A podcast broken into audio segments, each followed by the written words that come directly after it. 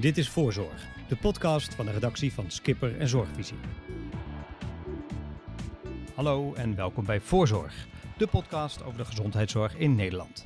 In deze aflevering kunt u luisteren naar een interview met Dini de Bresser. Zij is bestuursvoorzitter van Pieter van Vooreest, een instelling voor verpleging en verzorging in de regio Delft.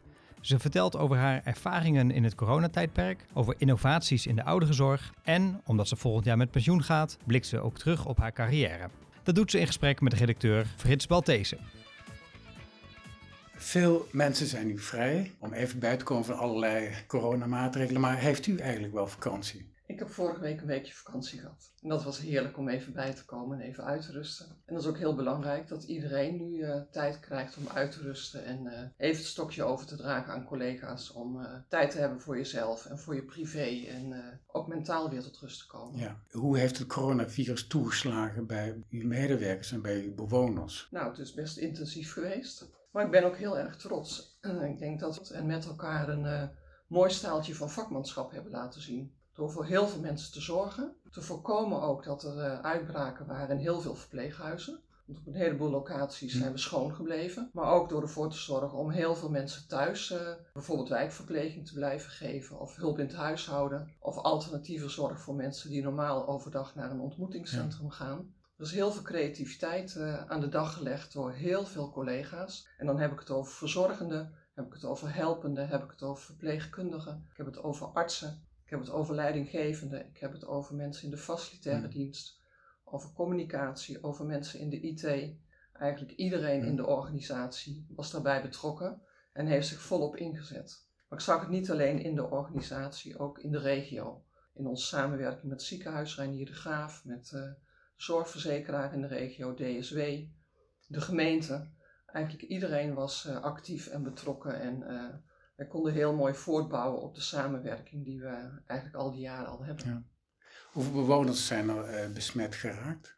Er zijn bij ons uh, meer dan 100 uh, bewoners besmet geraakt. Maar ik vind het wel heel erg mooi om te vertellen dat het aller, allergrootste gedeelte daarvan ook weer hersteld is. Ja. Hoeveel zijn er overleden? Er zijn uiteindelijk een paar tientallen mensen overleden. Verspreid over meerdere locaties. gelukkig per locatie relatief kleine aantallen. Maar um, ja, het is wel gebeurd. Ja. Wat voor ja. impact heeft het nou op de organisatie en op de bewoners? Nou, het heeft impact op iedereen. Het heeft uh, impact op, uh, op uh, mijn collega's, ja. op onze medewerkers. Zeker als er op een afdeling of op een, in een huis meerdere mensen tegelijkertijd ziek zijn. Als er ook meerdere mensen overlijden. Ja. Dat is heel intens. Zeker in een periode als er ook geen bezoek is van familie. En er in eenzaamheid afscheid wordt genomen. Dat doet heel veel met mensen. Het is natuurlijk een enorme belasting door heel veel uren te werken en steeds maar beschikbaar te zijn. Dat is ook een enorme mentale belasting om daar goed mee om te gaan en uh, zorgvuldig te blijven handelen. Ik heb ook gezien dat het een enorme verbroedering hm. geeft. Mensen houden elkaar vast, letterlijk houden elkaar vast, steunen elkaar. Hm. En uh, we hebben ons samen met elkaar er doorheen geslagen. Ja. Had u soms niet het idee van, wat doe ik verkeerd? Als er tien overlijden, dan komen er nog meer bij en dan nog meer bij. Want je gaat misschien twijfelen aan jezelf. Dat is niet de hoofdmoot hm. geweest. Wij zijn steeds bezig geweest met de kennis van dat moment. Want die kennis ontwikkelde hm. zich natuurlijk. Om het best mogelijke te doen. En je weet eigenlijk dat je voortdurend heb je dilemma's. Hoe ga je om met uh, persoonlijk belang, welzijn van een individuele cliënt, belang van de medewerker? Collectieve belang van de veiligheid, hm. voorkomen van infecties of voorkomen van verspreiding van infecties. En die dilemma's, die moet je voortdurend onder ogen blijven zien en met elkaar het best mogelijke antwoord op vinden. Zowel op de werkvloer als in de bestuurskamer. En dan probeer je naar beste weten dat te doen. En je weet op dat moment dat je het nooit voor iedereen op elk moment goed kunt hm. doen. Maar je probeert het wel voor zoveel mogelijk mensen steeds weer goed ja. te doen. Want dat moet je natuurlijk wel doen als bestuursvoorzitter. Dit is het moment om leiderschap te tonen. Hè. Je moet de creativiteit hebben en de situatie snel en goed inschatten. Aan welke regels ga ik me wel houden en welke niet. En kan ik me aan alle regels houden. En je hoort je ook soms mensen afvragen in ouderenzorg van ja, hoe, hoe gaan we om met die bewoners? Hoe, hoe bent u met dat vraagstuk omgegaan? Want dat is een enorme dilemma. Het is een enorm dilemma, maar dat, dat doe je samen. Dat bespreek je met je collega uh, in de raad van bestuur. Dat bespreek je met de artsen, met je directeuren. Maar je luistert vooral ook heel goed naar de werkvloer. Wat speelt zich daar af? Wat, waar hebben de verzorgenden en de verpleegkundigen mee te maken? En hoe kan je dan een antwoord vinden? Sommige antwoorden kan je centraal bedenken, maar sommige antwoorden zijn ook lokaal te geven. En ook moeten daar, en besluiten moeten dan ook daar genomen worden. Wat waren voor u cruciale besluiten? Nou, we hebben natuurlijk landelijk te maken gekregen met het sluiten van de verpleeghuizen. Dat is over ons heen gekomen, daar moesten we ons aan conformeren. Uh, dat was een heel pijnlijk moment. Maar we wisten ook op dat moment dat we iets moesten doen om verdere uitbraken te voorkomen. Andere lastige momenten zijn geweest. Hebben we genoeg beschermingsmiddelen voor onze medewerkers? We hebben bij Pieter van Vrees uh, steeds voor gekozen om de landelijke richtlijnen van het RIVM te volgen. En met heel veel kunst en vliegwerk en heel erg hard werken is het ons gelukt om steeds op het moment suprem voldoende beschermingsmiddelen beschikbaar te hebben. Hoe zag dat kunst en vliegwerk eruit? Bellen, mensen van afdeling inkoop van facilitaire zaken, het hele relatienetwerk betrekken, samenwerken met het ziekenhuis binnen het ROAS-verband in de regio, onze vaste leveranciers bellen, van alles. We hebben ook aanbiedingen gehad uit de regio. We hebben zelfs aanbiedingen gehad van lasbrillen van een technisch bedrijf. Die zeiden, als jullie er wat aan hebben, hier heb je een hele partij. Ja. We hebben alles aangenomen wat we konden krijgen, maar we hebben steeds uiteindelijk de geschikte middelen kunnen uitdelen aan onze medewerkers. En daar ben ik heel blij mee. Dus het is 24-7 uh, aan de bak. Ja, daar komt het wel op neer. Hoewel je natuurlijk ook uh, afwisselt. Het ook belangrijk is, ook in tijden van crisis, dat je rust bewaart. Dat je de overzicht houdt. En soms eventjes uh, een stapje terug doet om even na te denken over wat wijsheid is. De, uh, de eerste zin van de visie van Pieter van Voorest is, uh, ik lees hem even voor. Pieter van Voorest vindt dat iedereen zichzelf moet kunnen zijn. En het leven moet kunnen leiden dat je zelf wil. Nou hebben we dat de afgelopen maanden natuurlijk niet gezien bij de bewoners. Hoe, staat u daarin? Nou, dat is onze slogan. Hè. Dat is een, belangrijke kernwaarde ook binnen Pieter van Vreest. Iedereen, we willen dat iedereen zoveel mogelijk zichzelf kan zijn. Maar als je kijkt naar wonen in een verpleeghuis, is dat wel collectief wonen? Is dat wonen in groepsverband? En dan gaat het altijd over het individuele belang, de individuele behoeften en het collectieve belang. En binnen de context van het samenwonen, het samenleven, het samen zorgen, zoek je dan naar de best mogelijke oplossing voor iedereen. Waarbij er voor iedereen ook daar waar mogelijk verschil kan zijn. Maar wat zag u bij de bewoners toen hij de, de, de deuren moest sluiten? We hebben heel veel verschillende emoties gezien. We hebben natuurlijk verdriet gezien. Mensen die hun familie misten, hun partner, hun kinderen, andere naasten. Mensen die zich eenzaam voelden. Maar we hebben ook gezien dat, mensen, dat er voor sommige mensen ook rust was. Dat de gezelligheid met elkaar in de huiskamer ook fijn was. Dat doordat er minder aanloop was, het hm. voor sommige mensen ook rustiger werd. Dus we hebben heel veel verschillende emoties gezien en heel veel verschillende ervaringen. En hoe hebben ze de bewoners uh, de, de opening, de langzame opening uh, gezien? Dat is heel erg mooi gegaan. De bezoekregeling kwam natuurlijk landelijk. En die stapsgewijs eh, ingevoerd, soms wat abrupt. Uh, we hebben dat, de stappen die wij hebben gezet en de keuzes die we hebben gemaakt, steeds in nauwe samenspraak gedaan met cliëntenraden. En ook weer per locatie met de mensen op de locatie. En we hebben daarin heel veel creativiteit gezien, ook vanuit de samenleving. Dus er kwamen allemaal ideeën van uh, mensen van buiten, van naasten en familie. Van als we het nou zo aanpakken met ruim uh, bezoek. Bijvoorbeeld in het Westland is op een gegeven moment een initiatief geweest uit de samenleving om uh, kastjes beschikbaar te stellen. Dus plantenkassen, kleintjes. Om in onze, bij onze locaties neer te zetten. Met een wand halverwege, zodat aan de ene kant de bewoner naar binnen kon en aan de andere kant familie. Om zo elkaar te ontmoeten. En we hebben hoogwerkers voor de panden gehad, van alles. En dat heeft ook heel veel, um, ja, ook wel plezier gegeven. Mensen blij waren met de mogelijkheden die er opeens waren. De ruimte die we gaven om het overal weer op een andere manier in te vullen. Dan zag je ook hoe mensen dan weer blij kunnen zijn met hetgeen wat er wel is. Hoe heeft hij het verschil kunnen maken als bestuursvoorzitter? Nou, als ik zo luister en, uh, in de organisatie waar heel veel positieve reacties op zijn, dan is dat op de communicatie. We hebben gekozen voor dagelijkse briefings op een vast tijdstip. En dan waren de briefings vanuit het centrale crisisteam, maar waarin ook signalen vanuit eh, de werkvloer, de locaties, de wijkverpleging, eh, de ontmoetingscentra, et cetera, werden samengevoegd en werden gecommuniceerd. Dus al onze medewerkers konden rekenen. Op elke dag om 12 uur is er nieuwe informatie. Als er nieuwe richtlijnen waren, was altijd duidelijk werd dat gecommuniceerd. En hoe ging dat online? Of? Ja, digitaal. En daarnaast hebben we elke week, elke vrijdag, nieuwsbrieven verstuurd naar alle medewerkers, naar alle vrijwilligers ook, die opeens ook niet meer konden werken en thuis waren, naar alle contactpersonen van cliënten en cliënten, maar ook naar alle leden van de cliëntenraad, om te informeren over beslissingen die er waren genomen, uh, hoe we met zaken omgaan, hoe we met ingewikkelde kwesties omgingen en wat we verwachten voor de week die aanstaande was. Wat heeft u nou het meest gefrustreerd in die periode, dat, dat het dicht zat, dat de huizen dicht zaten? Nou, de onzekerheid dat je niet weet hoe lang het nog mm. gaat duren. Mm. Dat is heel erg, heel erg ingewikkeld. Mm. Je, je acteert in het moment, je denkt een paar dagen vooruit, maar je weet eigenlijk niet hoe lang het nog gaat duren, omdat je ook niet weet hoe de crisis zich landelijk, internationaal zal ontwikkelen. Maar begreep u de maatregelen of zegt u achteraf of toen al van nou, we gaan het anders doen?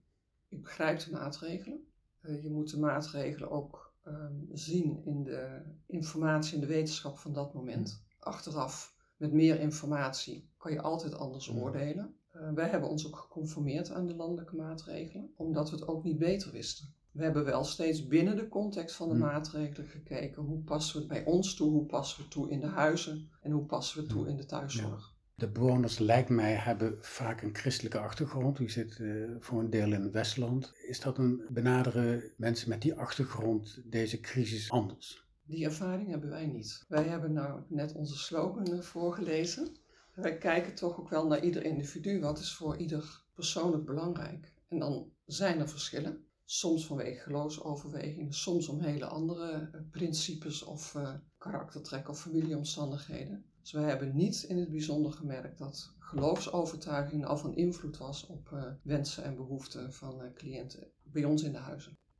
U bent een half jaar bezig geweest met corona. Dat is uh, meer dan fulltime. U had waarschijnlijk allemaal mooie plannen voordat u afscheid zou gaan nemen. Wat, wat blijft er nou zo al liggen, wat, wat, wat niet kon, gerealiseerd kon worden? Dat is heel veel doorgegaan. Dus de aandacht voor, voor de cliënt, voor de zorg, dat was top of mind. Dus hm. dat is ook heel mooi om dat met elkaar te kunnen doen. In al zijn aspecten. Ja, wat is er blijven liggen? We waren toe aan een uh, nadenken over een nieuwe visie voor de komende vijf hm. à tien jaar. Nou, wij zijn dat bij ons in de organisatie gewend om met elkaar te doen. Daar grote bijeenkomsten voor te organiseren. Samen met cliënten, cliëntvertegenwoordigers en collega's over te praten. En dat kon nu niet. Dus eerst hadden we nog de hoop dat het uh, in het najaar zou kunnen, maar dat kan ook niet. En wat heel veel pijn heeft gedaan, we hadden dit jaar het vierde lustrum van de organisatie. Hm. Twintig jaar bestaande van Pieter van Vrees hm. met deze naam. En we hadden ons voorgenomen om dat groots te gaan vieren. Samen met alle cliënten, met alle vrijwilligers, met alle medewerkers. Ja, en dat hebben we grotendeels moeten skippen. En dat uh, zal dit jaar ook niet meer lukken. We hopen dat we volgend jaar nog uh, een paar feestjes mogen vieren. Dus die toekomstvisie, dat laat u aan uw opvolger over? Ja, helaas. Als u nu terugkijkt op uw periode bij, bij Pieter van Verreest en, en, en, uh, ja, en uw lange carrière in de zorg, wat, zou u, ja, wat voor advies geeft u uw opvolger mee of opvolgster? Het belangrijkste is misschien wel blijven leren en blijven ontwikkelen.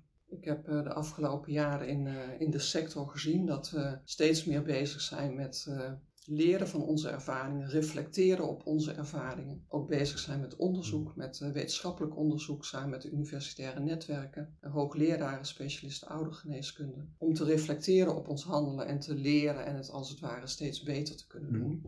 En daar hoort ook bij, ben bezig en blijf bezig met vernieuwen en innovatie. Nieuwe technologie in de zorg het is niet meteen zaligmakend in de ouderenzorg. Maar er zijn wel hele leuke toepassingen die helpen. En waar mensen ook mee kunnen werken of mee kunnen leren werken. En ik denk dat dat het allerbelangrijkste is. Dat we in de organisatie, maar ook in de sector met elkaar blijven leren. Onze ogen en oren open houden voor nieuwe ontwikkelingen. Ook vragen en behoeften vanuit cliënten, van familiesystemen van cliënten. Daarop aansluiten en ja, zoeken naar nieuwe oplossingen. Want de uitdaging is heel groot. Wat zou u willen oppakken als u toch nog even één of twee jaar zou kunnen blijven in, in Delft?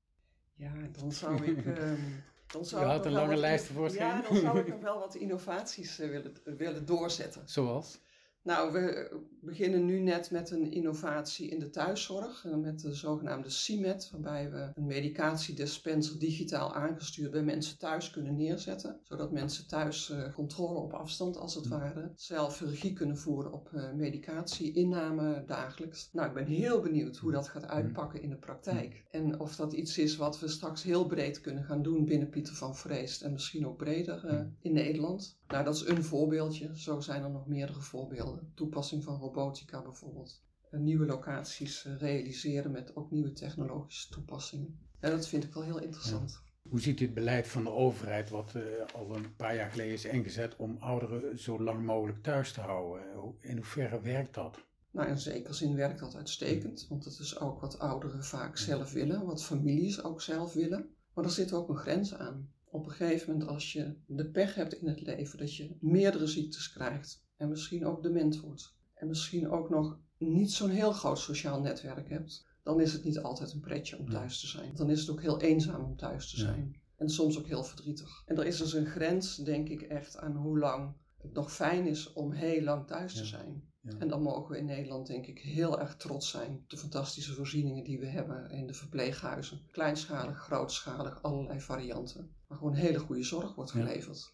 Is het een probleem dat als mensen het thuis niet meer redden, dat het toch best wel lang duurt voordat ze naar een tehuis kunnen? Soms wel. Want dat hoor je vaak, hè? Dat, uh, dat is op zich niet erg dat de ouderen zo lang mogelijk thuis blijven, maar dan die, dat duurt toch weer in sommige regio's althans uh, vaak te lang voordat iemand uh, naar het huis kan. Nou, dat is ook een moeilijk dilemma. Mensen willen zo lang mogelijk hun eigen autonomie bewaren. En kinderen en partners die willen zo lang mogelijk, zo goed mogelijk ook zelf zorgen voor hun naasten en geliefden. Soms tegen beter weten in. Soms langer dan het eigenlijk goed gaat. En dan zie je dat er op een gegeven moment een moment komt dat het echt niet meer kan.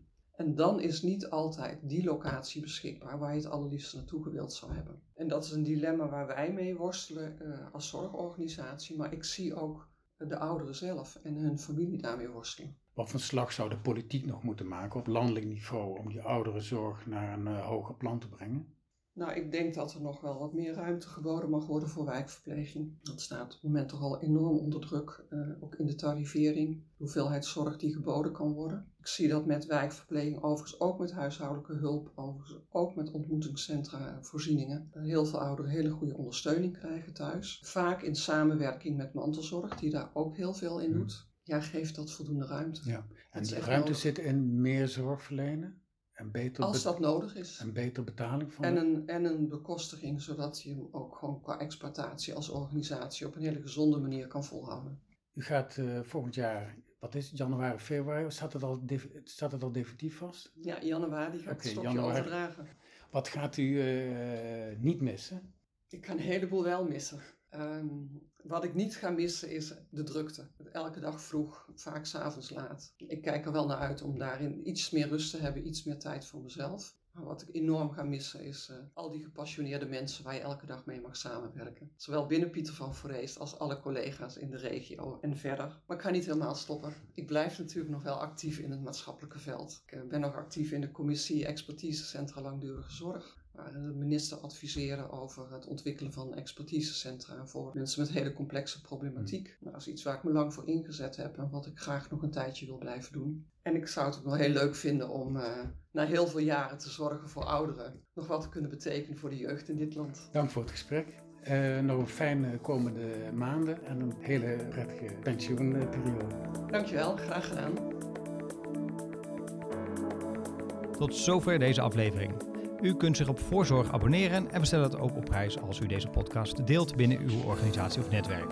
De montage was dit keer in handen van Jantien Alberts. Mijn naam is Sietse Wilman en namens de gehele redactie van Skipper en Zorgvisie wil ik u graag hartelijk bedanken voor het luisteren. Heel graag tot de volgende Voorzorg.